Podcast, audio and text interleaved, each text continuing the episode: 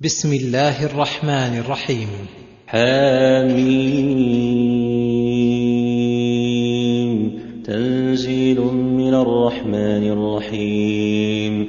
يخبر تعالى عباده أن هذا الكتاب الجليل والقرآن الجميل تنزيل صادر من الرحمن الرحيم الذي وسعت رحمته كل شيء الذي من أعظم رحمته وأجلها إنزال هذا الكتاب الذي حصل به من العلم والهدى والنور والشفاء والرحمة والخير الكثير ما هو من أجل نعمه على العباد وهو الطريق للسعادة في الدارين.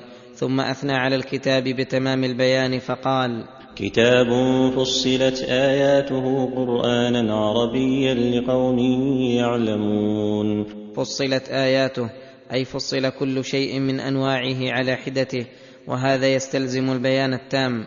والتفريق بين كل شيء وتمييز الحقائق. قرانا عربيا أي باللغة الفصحى أكمل اللغات فصلت آياته وجعل عربيا لقوم يعلمون أي لأجل أن يتبين لهم معناه كما تبين لفظه.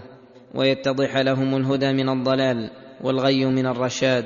وأما الجاهلون الذين لا يزيدهم الهدى إلا ضلالا ولا البيان إلا عمى. فهؤلاء لم يسق الكلام لأجلهم وسواء عليهم أأنذرتهم أم لم تنذرهم لا يؤمنون. بشيرا ونذيرا فأعرض أكثرهم فهم لا يسمعون. بشيرا ونذيرا أي بشيرا بالثواب العاجل والآجل ونذيرا بالعقاب العاجل والآجل وذكر تفصيلهما وذكر الأسباب والأوصاف التي تحصل بها البشارة والنذارة وهذه الأوصاف للكتاب مما يوجب أن يتلقى بالقبول والإذعان والإيمان والعمل به ولكن أعرض أكثر الخلق عنه إعراض المستكبرين. فهم لا يسمعون. فهم لا يسمعون له سماع قبول وإجابة وإن كانوا قد سمعوه سماعا تقوم عليهم به الحجة الشرعية. وقالوا قلوبنا في أكنة مما تدعونا إليه وفي آذاننا وقر ومن بيننا وبينك حجاب ومن بيننا وبينك حجاب فاعمل إننا عاملون.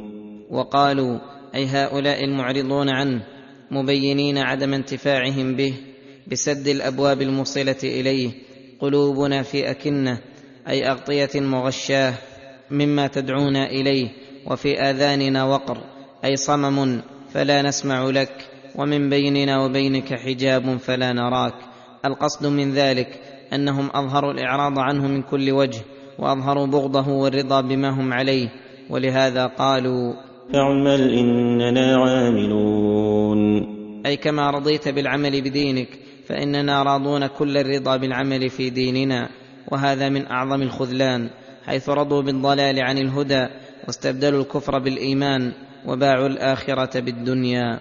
قل إنما أنا بشر مثلكم يوحى إلي أنما إلهكم أنما إلهكم إله واحد فاستقيموا إليه واستغفروه.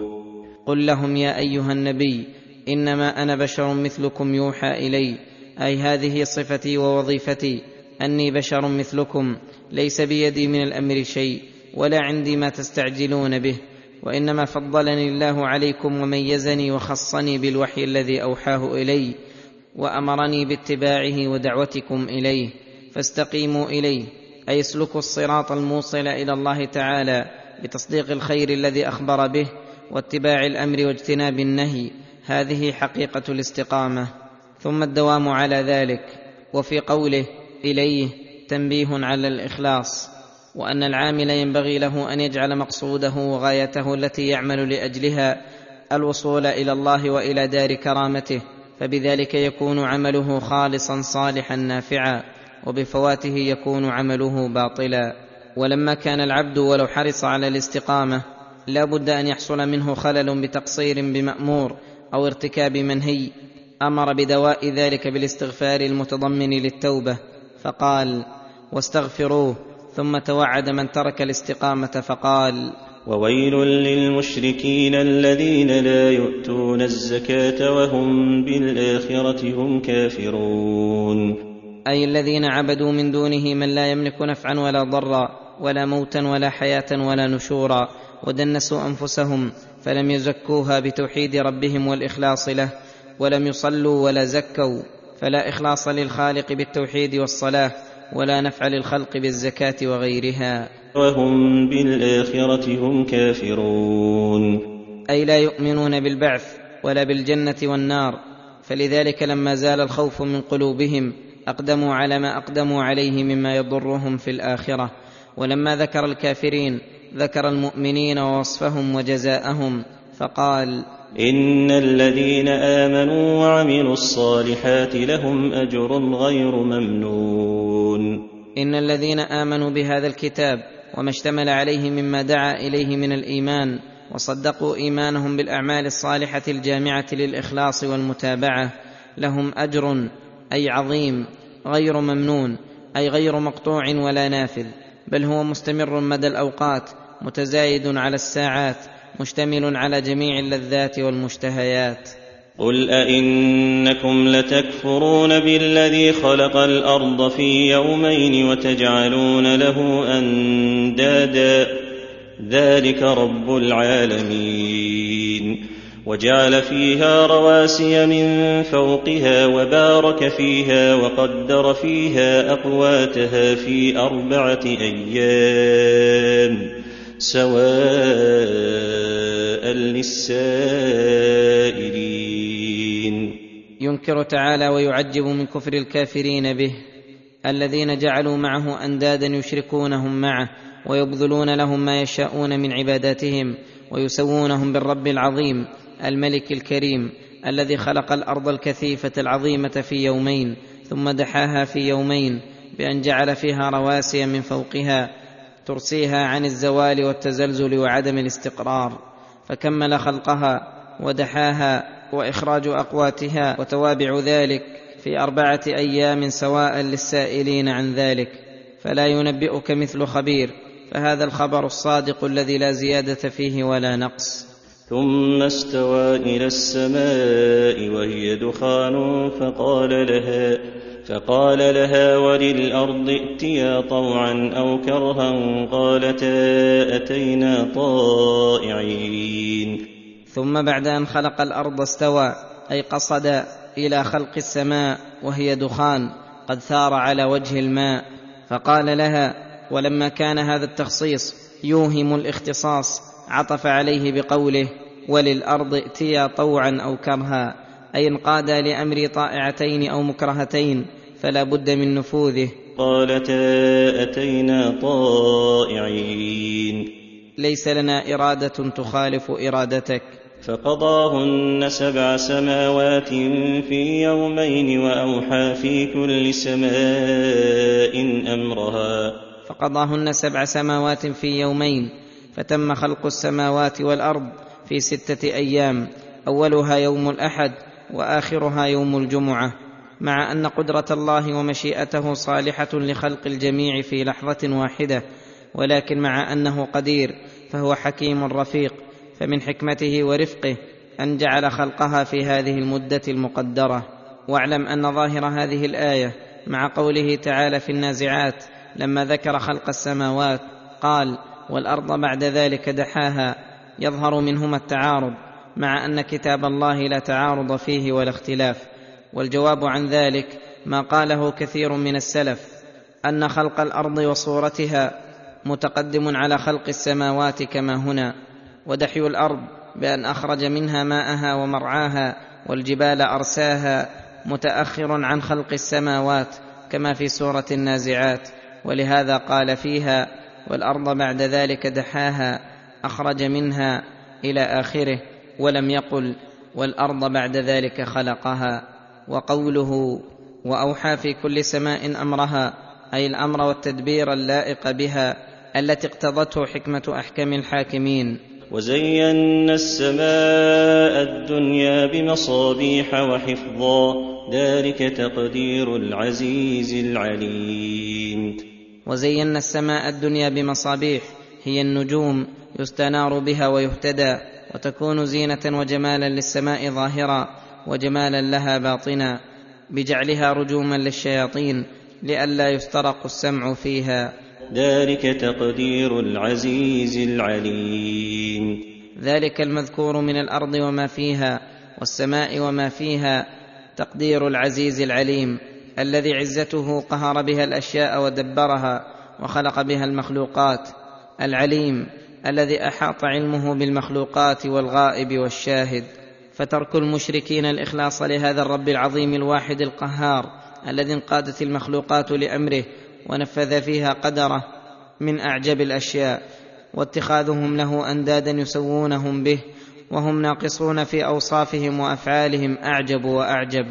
ولا دواء لهؤلاء إن استمر إعراضهم إلا العقوبات الدنيوية والأخروية. فلهذا خوفهم بقوله فإن أعرضوا فقل أنذرتكم صاعقة مثل صاعقة عاد وثمود إذ جاءتهم الرسل من بين أيديهم ومن خلفهم ألا تعبدوا إلا الله قالوا لو شاء ربنا لأنزل ملائكة فإنا بما أرسلتم به كافرون.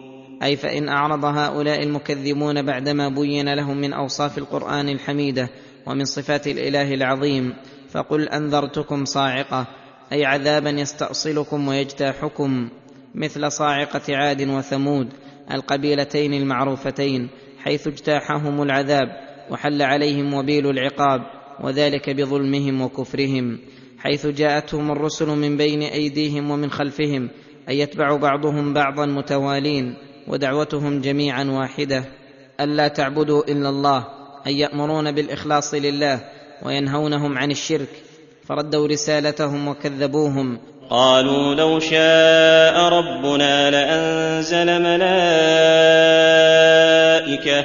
أي وأما أنتم فبشر مثلنا.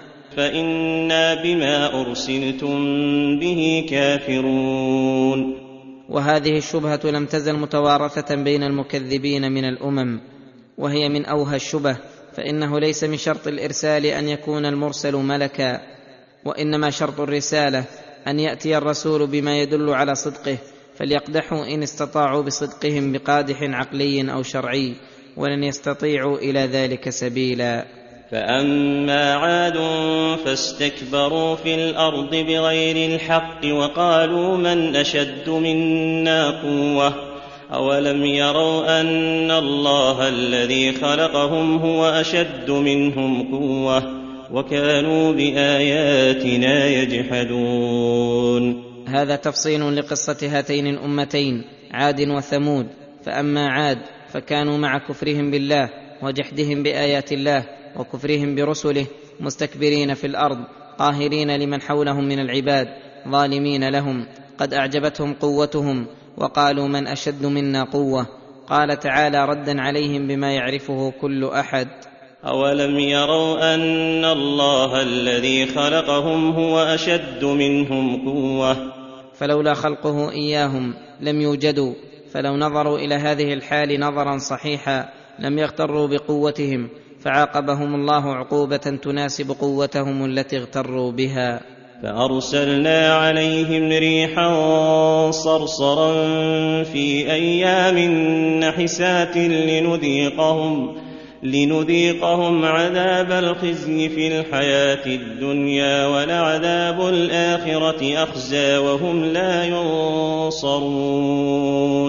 فأرسلنا عليهم ريحا صرصرا أي ريحا عظيمة من قوتها وشدتها لها صوت مزعج كالرعد القاصف فسخرها الله عليهم سبع ليال وثمانية أيام حسوما فترى القوم فيها صرعى كأنهم أعجاز نخل خاوية.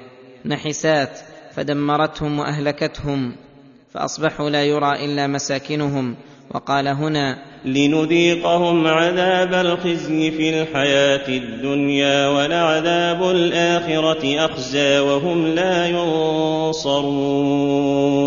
لنذيقهم عذاب الخزي في الحياة الدنيا الذي اختزوا به وافتضحوا بين الخليقة. ولعذاب الآخرة أخزى وهم لا ينصرون. أي لا يمنعون من عذاب الله ولا يمنعون أنفسهم. وأما ثمود فهديناهم فاستحبوا العمى على الهدى فأخذتهم صاعقة العذاب الهون فأخذتهم صاعقة العذاب الهون بما كانوا يكسبون. وأما ثمود وهم القبيلة المعروفة الذين سكنوا الحجر وحواليه الذين أرسل الله إليهم صالحا عليه السلام يدعوهم إلى توحيد ربهم وينهاهم عن الشرك وآتاهم الله الناقة آية عظيمة لها شرب ولهم شرب يوم معلوم يشربون لبنها يوما ويشربون من الماء يوما وليسوا ينفقون عليها بل تأكل من أرض الله ولهذا قال هنا وأما ثمود فهديناهم أي هداية بيان وإنما نص عليهم وإن كان جميع الأمم المهلكة قد قامت عليهم الحجة وحصل لهم البيان لأن آية ثمود آية باهرة قد رآها صغيرهم وكبيرهم وذكرهم وأنثاهم وكانت آية مبصرة فلهذا خصهم بزيادة البيان والهدى ولكنهم من ظلمهم وشرهم استحبوا العمى الذي هو الكفر والضلال على الهدى الذي هو العلم والإيمان فأخذهم العذاب بما كانوا يكسبون لا ظلما من الله لهم. ونجينا الذين آمنوا وكانوا يتقون. أي نجى الله صالحا عليه السلام ومن اتبعه من المؤمنين المتقين للشرك والمعاصي. ويوم يحشر أعداء الله إلى النار فهم يوزعون. يخبر تعالى عن أعدائه الذين بارزوه بالكفر به وبآياته وتكذيب رسله ومعاداتهم ومحاربتهم وحالهم الشنيعة حين يحشرون. أي يجمعون إلى النار فهم يوزعون. أي يرد أولهم على آخرهم ويتبع آخرهم أولهم ويساقون إليها سوقا عنيفا. لا يستطيعون امتناعا ولا ينصرون أنفسهم ولا هم ينصرون. حتى إذا ما جاءوها شهد عليهم سمعهم وأبصارهم وجلودهم. حتى إذا ما جاءوها أي حتى إذا وردوا على النار وأرادوا الإنكار أو أنكروا ما عملوه من المعاصي. شهد عليهم سمعهم وأبصارهم وجلودهم بما كانوا يعملون. شهد عليهم سمعهم وأبصارهم وجلودهم عموم بعد خصوص بما كانوا يعملون. أي شهد عليهم كل عضو من أعضائهم فكل عضو يقول أنا فعلت كذا وكذا يوم كذا وكذا وخص هذه الأعضاء الثلاثة لأن أكثر الذنوب إنما تقع بها أو بسببها. فإذا شهدت عليهم عاتبوها وقالوا لجلودهم لم شهدتم علينا قالوا أنطقنا الله قالوا أنطقنا الله الذي أنطق كل شيء وهو خلقكم أول مرة وإليه ترجعون وقالوا لجلودهم هذا دليل على أن الشهادة تقع من كل عضو كما ذكرنا. لم شهدتم علينا ونحن ندافع عنكن. قالوا أنطقنا الله الذي أنطق كل شيء. فليس في إمكاننا الامتناع عن الشهادة حين أنطقنا الذي لا يستعصي عن مشيئته أحد. وهو خلقكم أول مرة وإليه ترجعون. وهو خلقكم أول مرة فكما خلقكم بذواتكم وأجسامكم خلق أيضا صفاتكم ومن ذلك الإنطاق. وإليه ترجعون. وإليه ترجعون في الآخرة فيجزيكم بما عملتم ويحتمل أن المراد بذلك الاستدلال على البعث بالخلق الأول كما هو طريقة القرآن. وما كنتم تستترون ان يشهد عليكم سمعكم ولا ابصاركم ولا جلودكم أي وما كنتم تختفون عن شهاده اعضائكم عليكم ولا تحاذرون من ذلك. ولكن ظننتم ان الله لا يعلم كثيرا مما تعملون. ولكن ظننتم باقدامكم على المعاصي. أن الله لا يعلم كثيرا مما تعملون. فلذلك صدر منكم ما صدر وهذا الظن صار سبب هلاكهم وشقائهم ولهذا قال وذلكم ظنكم الذي ظننتم بربكم أرداكم أرداكم فأصبحتم من الخاسرين. وذلكم ظنكم الذي ظننتم بربكم الظن السيء حيث ظننتم به ما لا يليق بجلاله أرداكم أي أهلككم. فأصبحتم من الخاسرين. فأصبحتم من الخاسرين لأنفسهم وأهليهم وأديانهم بسبب الأعمال التي أوجبها لكم ظنكم القبيح بربكم. فحقت عليكم كلمة العقاب والشقاء ووجب عليكم الخلود الدائم في العذاب. الذي لا يفتر عنهم ساعة. فإن يصبروا فالنار مثوى لهم وإن يستعتبوا فما هم من المعتبين. فإن يصبروا فالنار مثوى لهم فلا جلد عليها ولا صبر وكل حالة قدر إمكان الصبر عليها فالنار لا يمكن الصبر عليها وكيف الصبر على نار قد اشتد حرها؟ وزادت على نار الدنيا بسبعين ضعفا وعظم غليان حميمها وزاد نتن صديدها وتضاعف برد زمهريرها وعظمت سلاسلها وأغلالها وكبرت مقامعها وغلظ خزانها وزال ما في قلوبهم من رحمتهم وختام ذلك سخط الجبار وقوله لهم حين يدعونه ويستغيثون اخسأوا فيها ولا تكلمون. وان يستعتبوا فما هم من المعتبين وان يستعتبوا اي يطلبوا ان يزال عنهم العتب ويرجعوا إلى الدنيا ليستانفوا العمل. فما هم من المعتبين لأنه ذهب وقته وعمروا ما يعمر فيه من تذكر وجاءهم النذير وانقطعت حجتهم مع ان استعتابهم كذب منهم. ولو ردوا لعادوا لما نهوا عنه وإنهم لكاذبون. وقيضنا لهم قرناء فزينوا لهم ما بين أيديهم وما خلفهم. أي وقيضنا لهؤلاء الظالمين الجاحدين للحق قرناء من الشياطين. كما قال تعالى ألم تر انا أرسلنا الشياطين على الكافرين تؤزهم أزا أي تزعجهم إلى المعاصي وتحثهم عليها. بسبب ما زينوا لهم ما بين أيديهم وما خلفهم فالدنيا زخرفوها بأعينهم ودعوهم إلى لذاتها وشهواتها المحرمة حتى افتتنوا فأقدموا على معاصي الله وسلكوا ما شاءوا من محاربة الله ورسله والآخرة بعدوها عليهم وأنسوهم ذكرها وربما أوقعوا عليهم الشبه بعدم وقوعها فترحل خوفها من قلوبهم فقادوهم إلى الكفر والبدع والمعاصي. وهذا التسليط والتقييض من الله للمكذبين الشياطين بسبب إعراضهم عن ذكر الله وآياته وجحودهم الحق كما قال تعالى ومن يعش عن ذكر الرحمن نقيض له شيطانا فهو له قرين وإنهم ليصدونهم عن السبيل ويحسبون أنهم مهتدون. وحق عليهم القول في أمم قد خلت من قبلهم من الجن والإنس إنهم كانوا خاسرين. وحق عليهم القول أي وجب عليهم ونزل القضاء والقدر بعذابهم في جملة أمم قد خلت من قبلهم من الجن والإنس. إنهم كانوا خاسرين. إنهم كانوا خاسرين لأديانهم وآخرتهم ومن خسر فلا بد أن يذل ويشقى ويعذب. وقال الذين كفروا لا تسمعوا لهذا القرآن والغوا فيه لعلكم تغلبون. يخبر تعالى عن إعراض الكفار عن القرآن وتواصيهم بذلك. فقال وقال الذين كفروا لا تسمعوا لهذا القرآن أي أعرضوا عنه بأسماعكم وإياكم أن تلتفتوا أو تصغوا إليه ولا إلى من جاء به.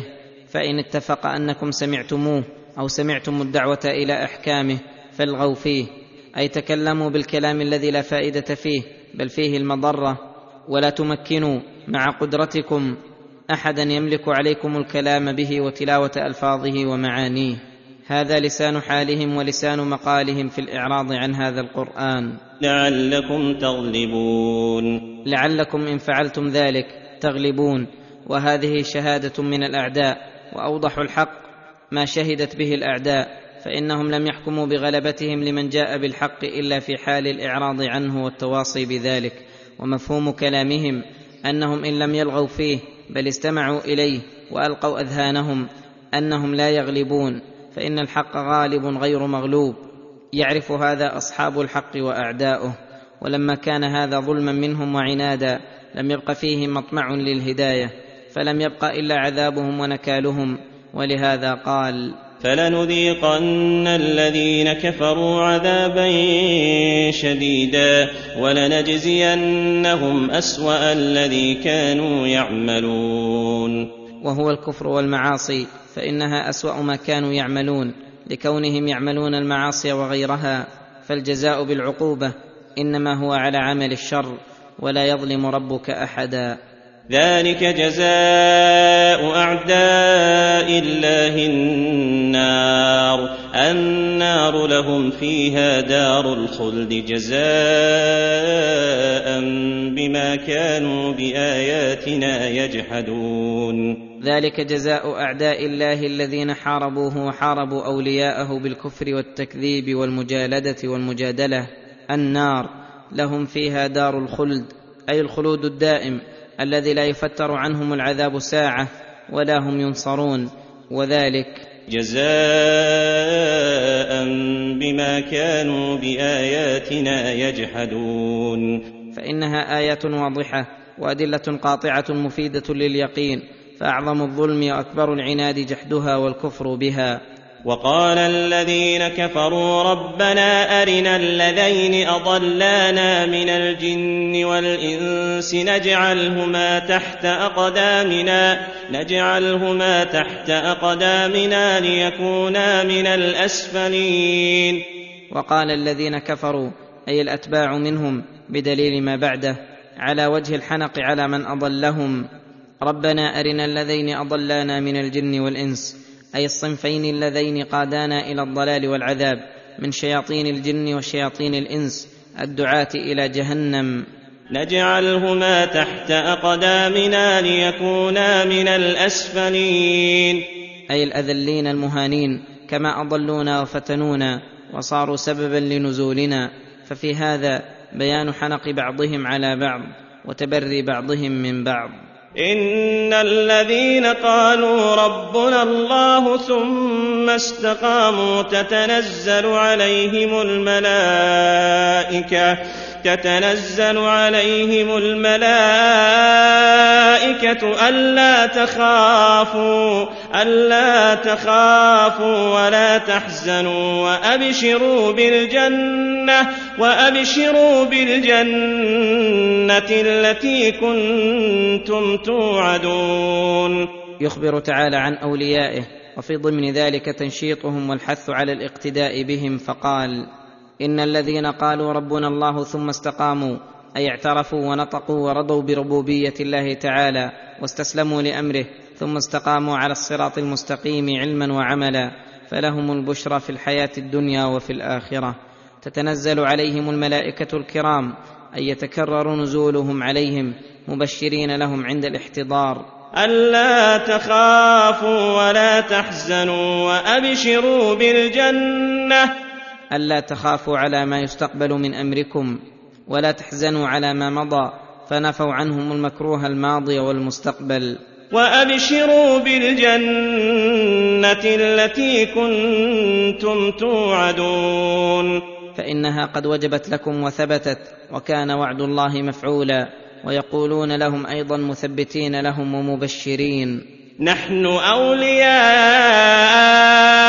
اولياؤكم في الحياة الدنيا وفي الاخره يحثونهم في الدنيا على الخير ويزينونه لهم ويرهبونهم عن الشر ويقبحونه في قلوبهم ويدعون الله لهم ويثبتونهم عند المصائب والمخاوف وخصوصا عند الموت وشدته والقبر وظلمته وفي القيامه واهوالها وعلى الصراط وفي الجنه يهنئونهم بكرامه ربهم ويدخلون عليهم من كل باب سلام عليكم بما صبرتم فنعم عقبى الدار.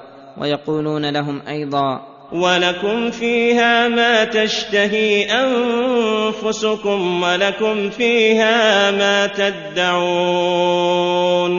ولكم فيها أي في الجنه ما تشتهي انفسكم قد اعد وهيئ. ولكم فيها ما تدعون أي تطلبون من كل ما تتعلق به إرادتكم. وتطلبونه من أنواع اللذات والمشتهيات مما لا عين رأت ولا أذن سمعت ولا خطر على قلب بشر.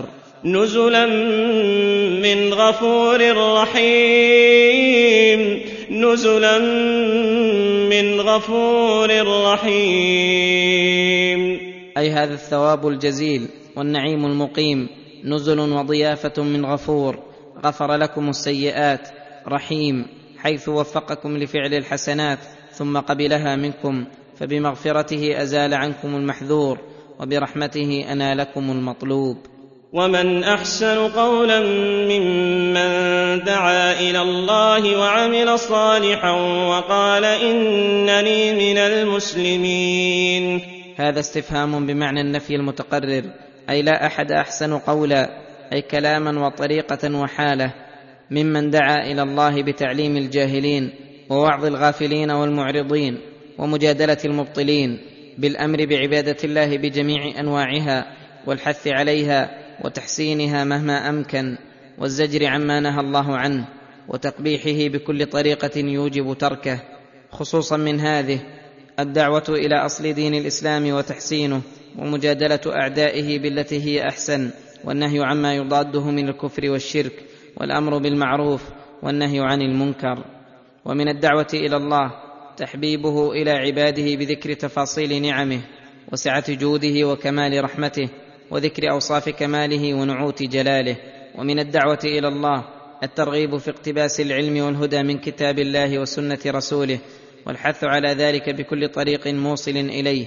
ومن ذلك الحث على مكارم الأخلاق والإحسان إلى عموم الخلق ومقابلة المسيء بالإحسان والأمر بصلة الأرحام وبر الوالدين. ومن ذلك الوعظ لعموم الناس في أوقات المواسم والعوارض والمصائب بما يناسب ذلك الحال. إلى غير ذلك مما لا تنحصر أفراده مما يشمله الدعوة إلى الخير كله والترهيب من جميع الشر. ثم قال تعالى وعمل صالحا وقال إنني من المسلمين. وعمل صالحا أي مع دعوته الخلق إلى الله بادر هو بنفسه إلى امتثال أمر الله بالعمل الصالح الذي يرضي ربه. وقال إنني من المسلمين. أي المنقادين لأمره السالكين في طريقه وهذه المرتبة تمامها للصديقين الذين عملوا على تكميل أنفسهم وتكميل غيرهم وحصلت لهم الوراثة التامة من الرسل كما أن من أشر الناس قولا من كان من دعاة الضلال السالكين لسبله وبين هاتين المرتبتين المتباينتين التي ارتفعت إحداهما إلى أعلى عليين ونزلت الأخرى إلى أسفل سافلين. مراتب لا يعلمها إلا الله وكلها معمورة بالخلق ولكل درجات مما عملوا وما ربك بغافل عما يعملون. ولا تستوي الحسنة ولا السيئة ادفع بالتي هي أحسن. يقول تعالى ولا تستوي الحسنة ولا السيئة أي لا يستوي فعل الحسنات والطاعات لأجل رضا الله تعالى ولا فعل السيئات والمعاصي التي تسخطه ولا ترضيه ولا يستوي الإحسان إلى الخلق ولا الإساءة إليهم لا في ذاتها ولا في وصفها ولا في جزائها. هل جزاء الإحسان إلا الإحسان؟ ثم أمر بإحسان خاص له موقع كبير وهو الإحسان إلى من أساء إليك فقال ادفع بالتي هي أحسن. أي فإذا أساء إليك مسيء من الخلق خصوصا من له حق كبير عليك كالأقارب والأصحاب ونحوهم إساءة بالقول أو بالفعل فقابله بالإحسان إليه. فإن قطعك فصله وإن ظلمك فاعف عنه. وإن تكلم فيك غائبا أو حاضرا فلا تقابله بل اعف عنه وعامله بالقول اللين. وإن هجرك وترك خطابك فطيب له الكلام وابذل له السلام. فإذا قابلت الإساءة بالإحسان حصل فائدة عظيمة.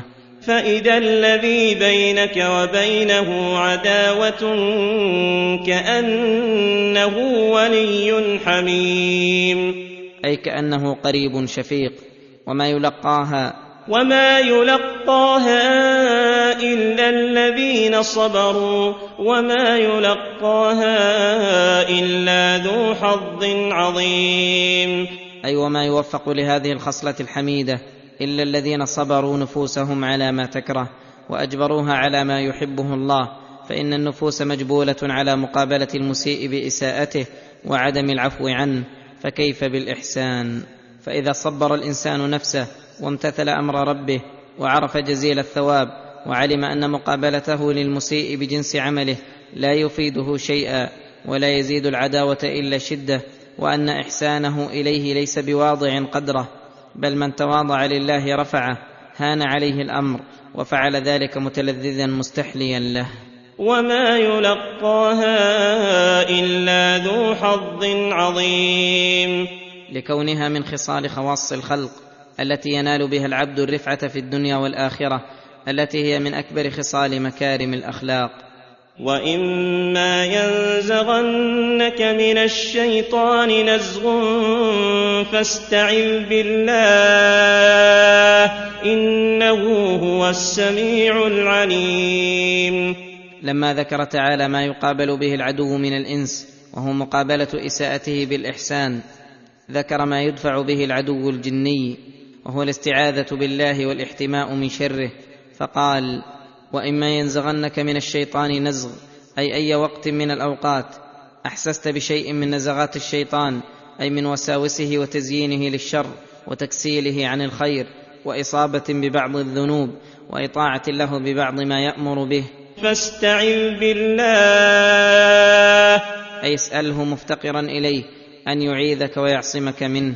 إنه هو السميع العليم. فإنه يسمع قولك وتضرعك ويعلم حالك واضطرارك إلى عصمته وحمايته. ومن آياته الليل والنهار والشمس والقمر لا تسجدوا للشمس ولا للقمر واسجدوا لله. ثم ذكر تعالى أن من آياته الدالة على كمال قدرته ونفوذ مشيئته وسعة سلطانه ورحمته بعباده. وأنه الله وحده لا شريك له الليل والنهار. هذا بمنفعة ضيائه وتصرف العباد فيه وهذا بمنفعة ظلمه وسكون الخلق فيه. والشمس والقمر اللذان لا تستقيم معايش العباد ولا أبدانهم ولا أبدان حيواناتهم إلا بهما وبهما من المصالح ما لا يحصى عدده. لا تسجدوا للشمس ولا للقمر فإنهما مدبران مسخران مخلوقان.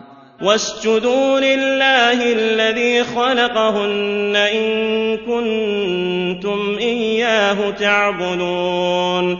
واسجدوا لله الذي خلقهن أي اعبدوه وحده لأنه الخالق العظيم ودعوا عبادة ما سواه من المخلوقات وإن كبر جرمه وكثرت مصالحه فإن ذلك ليس منه. وإنما هو من خالقه تبارك وتعالى. إن كنتم إياه تعبدون. فخصوه بالعبادة وإخلاص الدين له. فإن استكبروا فالذين عند ربك يسبحون له بالليل والنهار وهم لا يسأمون. فإن استكبروا عن عبادة الله تعالى ولم ينقادوا لها فإنهم لن يضروا الله شيئا والله غني عنهم وله عباد مكرمون لا يعصون الله ما أمرهم ويفعلون ما يؤمرون ولهذا قال فالذين عند ربك يعني الملائكة المقربين يسبحون له بالليل والنهار وهم لا يسأمون. أي لا يملون من عبادته لقوتهم وشدة الداعي القوي منهم إلى ذلك. ومن آياته أنك ترى الأرض خاشعة فإذا أنزلنا عليها الماء اهتزت وربت. ومن آياته الدالة على كمال قدرته وانفراده بالملك والتدبير والوحدانية أنك ترى الأرض خاشعة أي لا نبات فيها فإذا أنزلنا عليها الماء أي المطر اهتزت أي تحركت بالنبات. ثم أنبتت من كل زوج بهيج فيحيي به العباد والبلاد. إن الذي أحياها لمحيي الموتى. إن الذي أحياها بعد موتها وهمودها لمحيي الموتى من قبورهم إلى يوم بعثهم ونشورهم. إنه على كل شيء قدير. فكما لم تعجز قدرته على إحياء الأرض بعد موتها لا تعجز عن إحياء الموتى. إن الذين يلحدون في آياتنا لا يخفون علينا. أفمن يلقى في النار خير أم من يأتي آمنا يوم القيامة؟ اعملوا ما شئتم إنه بما تعملون بصير. الإلحاد في آيات الله الميل بها عن الصواب بأي وجه كان إما بإنكارها وجحودها وتكذيب من جاء بها وإما بتحريفها وتصريفها عن معناها الحقيقي وإثبات معان لها ما أرادها الله منها. فتوعد تعالى من ألحد فيها بأنه لا يخفى عليه بل هو مطلع على ظاهره وباطنه وسيجازيه على إلحاده بما كان يعمل. ولهذا قال أفمن يلقى في النار خير أم من يأتي آمنا يوم القيامة؟ افمن يلقى في النار؟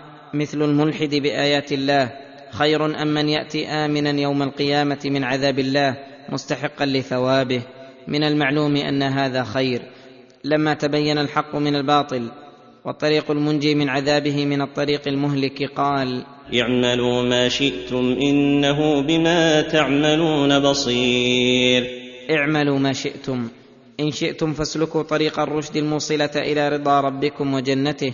وإن شئتم فاسلكوا طريق الغي المسخطة لربكم الموصلة إلى دار الشقاء. إنه بما تعملون بصير.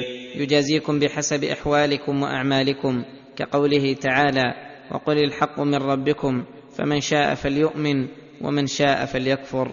ثم قال تعالى إن الذين كفروا بالذكر لما جاءهم وإنه لكتاب عزيز لا يأتيه الباطل من بين يديه ولا من خلفه تنزيل من حكيم حميد. إن الذين كفروا بالذكر أي يجحدون القرآن الكريم المذكر للعباد جميع مصالحهم الدينية والدنيوية والأخروية المعلي لقدر من اتبعه لما جاءهم نعمة من ربهم على يد أفضل الخلق وأكملهم. والحال إنه لكتاب جامع لأوصاف الكمال. عزيز أي منيع من كل من أراده بتحريف أو سوء. ولهذا قال لا يأتيه الباطل من بين يديه ولا من خلفه تنزيل من حكيم حميد. أي لا يقربه شيطان من شياطين الإنس والجن لا بسرقة ولا بإدخال ما ليس منه به.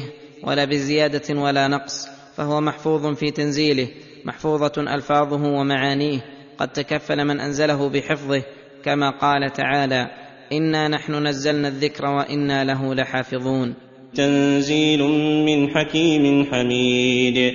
تنزيل من حكيم في خلقه وأمره يضع كل شيء موضعه وينزلها منازلها حميد على ما له من صفات الكمال ونعوت الجلال. وعلى ما له من العدل والإفضال فلهذا كان كتابه مشتملا على تمام الحكمة وعلى تحصيل المصالح والمنافع ودفع المفاسد والمضار التي يحمد عليها. ما يقال لك إلا ما قد قيل للرسل من قبلك إن ربك لذو مغفرة وذو عقاب أليم. أي ما يقال لك أيها الرسول من الأقوال الصادرة ممن كذبك وعاندك إلا ما قد قيل للرسل من قبلك أي من جنسها بل ربما إنهم تكلموا بكلام واحد كتعجب جميع الأمم المكذبة للرسل من دعوتهم إلى الإخلاص لله وعبادته وحده لا شريك له وردهم هذا بكل طريق يقدرون عليه وقولهم ما أنتم إلا بشر مثلنا. واقتراحهم على رسلهم الآيات التي لا يلزمهم الإتيان بها ونحو ذلك من أقوال أهل التكذيب. لما تشابهت قلوبهم في الكفر تشابهت أقوالهم وصبر الرسل عليهم السلام على أذاهم وتكذيبهم فاصبر كما صبر من قبلك. ثم دعاهم إلى التوبة والإتيان بأسباب المغفرة وحذرهم من الاستمرار على الغي فقال إن ربك لذو مغفرة وذو عقاب أليم. إن ربك لذو مغفرة أي عظيمة يمحو بها كل ذنب لمن أقلع وتاب. وذو عقاب أليم لمن أصر واستكبر. ولو جعلناه قرآنا أعجميا لقالوا لولا فصلت آياته أأعجمي وعربي. قل هو للذين آمنوا هدى وشفاء. والذين لا يؤمنون في آذانهم وقر وهو عليهم عمى. أولئك ينادون من مكان بعيد. يخبر تعالى عن فضله وكرمه حيث أنزل كتابه عربيا على الرسول العربي بلسان قومه ليبين لهم وهذا مما يوجب لهم زيادة الاعتناء به والتلقي له والتسليم وأنه لو جعله قرآنا أعجميا بلغة غير العرب لاعترض المكذبون وقالوا لولا فصلت آياته أي هلا بينت آياته ووضحت وفسرت أأعجمي وعربي؟ أي كيف يكون محمد عربيا والكتاب أعجمي؟ هذا لا يكون. فنفى الله تعالى كل أمر يكون فيه شبهة لأهل الباطل عن كتابه ووصفه بكل وصف يوجب لهم الانقياد ولكن المؤمنون الموفقون انتفعوا به وارتفعوا وغيرهم بالعكس من أحوالهم. ولهذا قال قل هو للذين آمنوا هدى وشفاء. أي يهديهم لطريق الرشد والصراط المستقيم ويعلمهم من العلوم النافعة ما به تحصل الهداية التامة وشفاء له من الأسقام البدنية والأسقام القلبية لأنه يزجر عن مساوئ الأخلاق وأقبح الأعمال ويحث على التوبة النصوح التي تغسل الذنوب وتشفي القلب. والذين لا يؤمنون في آذانهم وقر وهو عليهم عمى. والذين لا يؤمنون بالقرآن في آذانهم وقر أي صمم عن استماعه وإعراض وهو عليهم عمى أي لا يبصرون به رشدا ولا يهتدون به ولا يزيدهم إلا ضلالا فإنهم إذا ردوا الحق ازدادوا عمى إلى عماهم وغيا إلى غيهم. أولئك ينادون من مكان بعيد. أي ينادون إلى الإيمان ويدعون إليه فلا يستجيبون. بمنزلة الذي ينادى وهو في مكان بعيد لا يسمع داعيا ولا يجيب مناديا. والمقصود أن الذين لا يؤمنون بالقرآن لا ينتفعون بهداه ولا يبصرون بنوره ولا يستفيدون منه خيرا لأنهم سدوا على أنفسهم أبواب الهدى بإعراضهم وكفرهم. ولقد آتينا موسى الكتاب فاختلف فيه ولولا كلمة سبقت من ربك لقضي بينهم وإنهم لفي شك منه مريب. يقول تعالى ولقد آتينا موسى الكتاب كما آتيناك الكتاب فصنع به الناس ما صنعوا معك اختلفوا فيه فمنهم من آمن به واهتدى وانتفع ومنهم من كذبه ولم ينتفع به.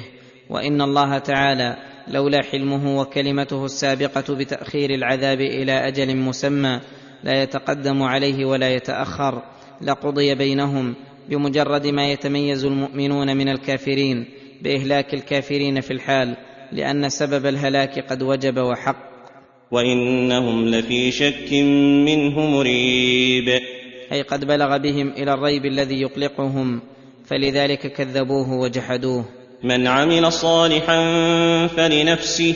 وهو العمل الذي أمر الله به ورسوله فلنفسه نفعه وثوابه في الدنيا والآخرة. ومن أساء فعليها.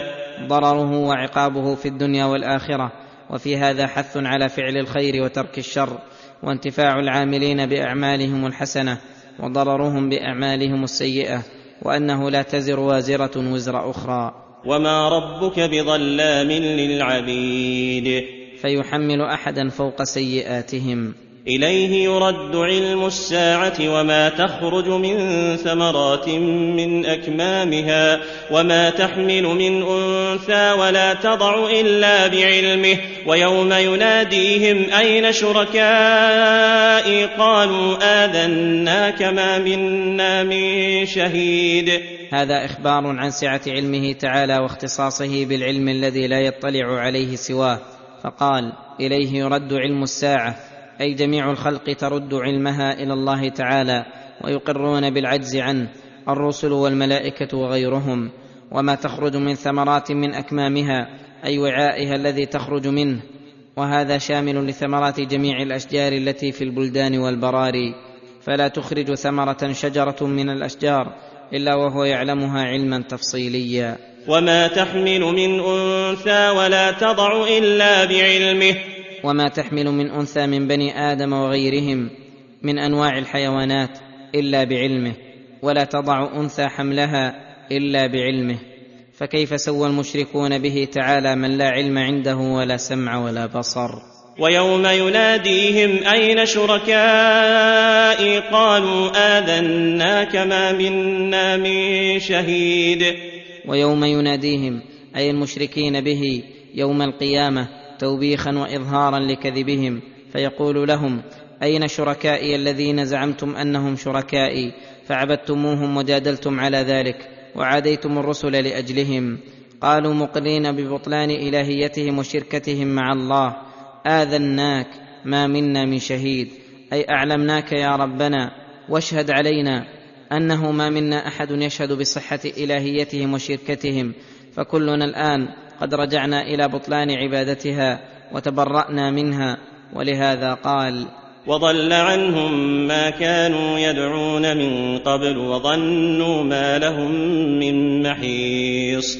وضل عنهم ما كانوا يدعون من دون الله. أي ذهبت عقائدهم وأعمالهم التي أفنوا فيها أعمارهم على عبادة غير الله وظنوا أنها تفيدهم وتدفع عنهم العذاب وتشفع لهم عند الله فخاب سعيهم وانتقض ظنهم ولم تغن عنهم شركاؤهم شيئا وظنوا أي أيقنوا في تلك الحال ما لهم من محيص أي منقذ ينقذهم ولا مغيث ولا ملجأ فهذه عاقبة من أشرك بالله غيره يبينها الله لعباده ليحذروا الشرك به. لا يسأم الإنسان من دعاء الخير وإن مسه الشر فيئوس قنوط. هذا إخبار عن طبيعة الإنسان من حيث هو وعدم صبره وجلده. لا على الخير ولا على الشر إلا من نقله الله من هذه الحال إلى حال الكمال.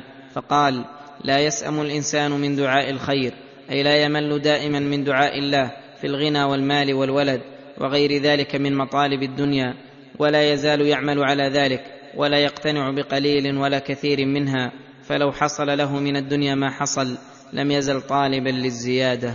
وإن مسه الشر فيئوس قنوط. وإن مسه الشر أي المكروه كالمرض والفقر وأنواع البلايا. فيئوس قنوط. أي ييأس من رحمة الله تعالى.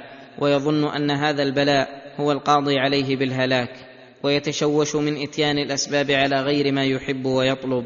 إلا الذين صبروا وعملوا الصالحات فإنهم إذا أصابهم الخير والنعمة والمحاب شكروا الله تعالى وخافوا أن تكون نعم الله عليهم استدراجا وامهالا وإن أصابتهم مصيبة في أنفسهم وأموالهم وأولادهم صبروا ورجوا فضل ربهم فلم ييأسوا. ثم قال تعالى ولئن أذقناه رحمة منا من بعد ضراء مسته ليقولن هذا لي ليقولن هذا لي وما أظن الساعة قائمة. ولئن رجعت إلى ربي إن لي عنده للحسنى. فلننبئن الذين كفروا بما عملوا ولنذيقنهم من عذاب غليظ. ولئن أذقناه أي الإنسان الذي لا يسأم من دعاء الخير وإن مسه الشر فيئوس قنوط. رحمة منا. أي بعد ذلك الشر الذي أصابه بأن عافاه الله من مرضه أو أغناه من فقره فإنه لا يشكر الله تعالى بل يبغي ويطغى ويقول هذا لي. أي أتاني لأني له أهل وأنا مستحق له. وما أظن الساعة قائمة وهذا إنكار منه للبعث. وكفر للنعمة والرحمة التي أذاقها الله له. ولئن رجعت إلى ربي إن لي عنده للحسنى. أي على تقدير إتيان الساعة وأني سأرجع إلى ربي إن لي عنده للحسنى. فكما حصلت لي النعمة في الدنيا فإنها ستحصل لي في الآخرة. وهذا من أعظم الجراءة والقول على الله بلا علم. فلهذا توعده الله بقوله فلننبئن الذين كفروا بما عملوا ولنذيقنهم من عذاب غليظ. أي شديد جدا. وإذا أنعمنا على الإنسان أعرض ونأى بجانبه وإذا مسه الشر فذو دعاء عريض. وإذا أنعمنا على الإنسان بصحة أو رزق أو غيرهما أعرض عن ربه وعن شكره ونأى أي ترفع بجانبه عجبا وتكبرا وإن مسه الشر أي المرض أو الفقر أو غيرهما. فذو دعاء عريض. أي كثير جدا لعدم صبره فلا صبر في الضراء ولا شكر في الرخاء إلا من هداه الله ومن عليه. قل ارايتم ان كان من عند الله ثم كفرتم به من اضل ممن هو في شقاق بعيد. أي قل لهؤلاء المكذبين بالقران المسارعين إلى الكفران ارايتم ان كان هذا القران من عند الله من غير شك ولا ارتياب ثم كفرتم به. من أضل ممن هو في شقاق بعيد. أي معاندة لله ولرسوله لأنه تبين لكم الحق والصواب ثم عدلتم عنه. لا إلى حق بل إلى باطل وجهل. فإذا تكونون أضل الناس وأظلمهم. سنريهم آياتنا في الآفاق وفي أنفسهم حتى يتبين لهم أنه الحق. أولم يكف بربك أنه على كل شيء شهيد. فإن قلتم أو شككتم بصحته وحقيقته فسيقيم الله لكم ويريكم من آياته في الآفاق كالآيات التي في السماء وفي الأرض وما يحدثه الله تعالى من الحوادث العظيمة الدالة للمستبصر على الحق. وفي أنفسهم مما اشتملت عليه أبدانهم من بديع آيات الله وعجائب صنعته وباهر قدرته وفي حلول العقوبات والمثلات في المكذبين ونصر المؤمنين حتى يتبين لهم من تلك الآيات بيانا لا يقبل الشك أنه الحق وما اشتمل عليه حق. وقد فعل تعالى فإنه أرى عباده من الآيات ما به تبين لهم أنه الحق ولكن الله هو الموفق للإيمان من شاء والخاذل لمن يشاء. أولم يكف بربك أنه على كل شيء شهيد؟ أي أولم يكفهم على أن القرآن حق ومن جاء به صادق بشهادة الله تعالى فإنه قد شهد له بالتصديق وهو أصدق الشاهدين.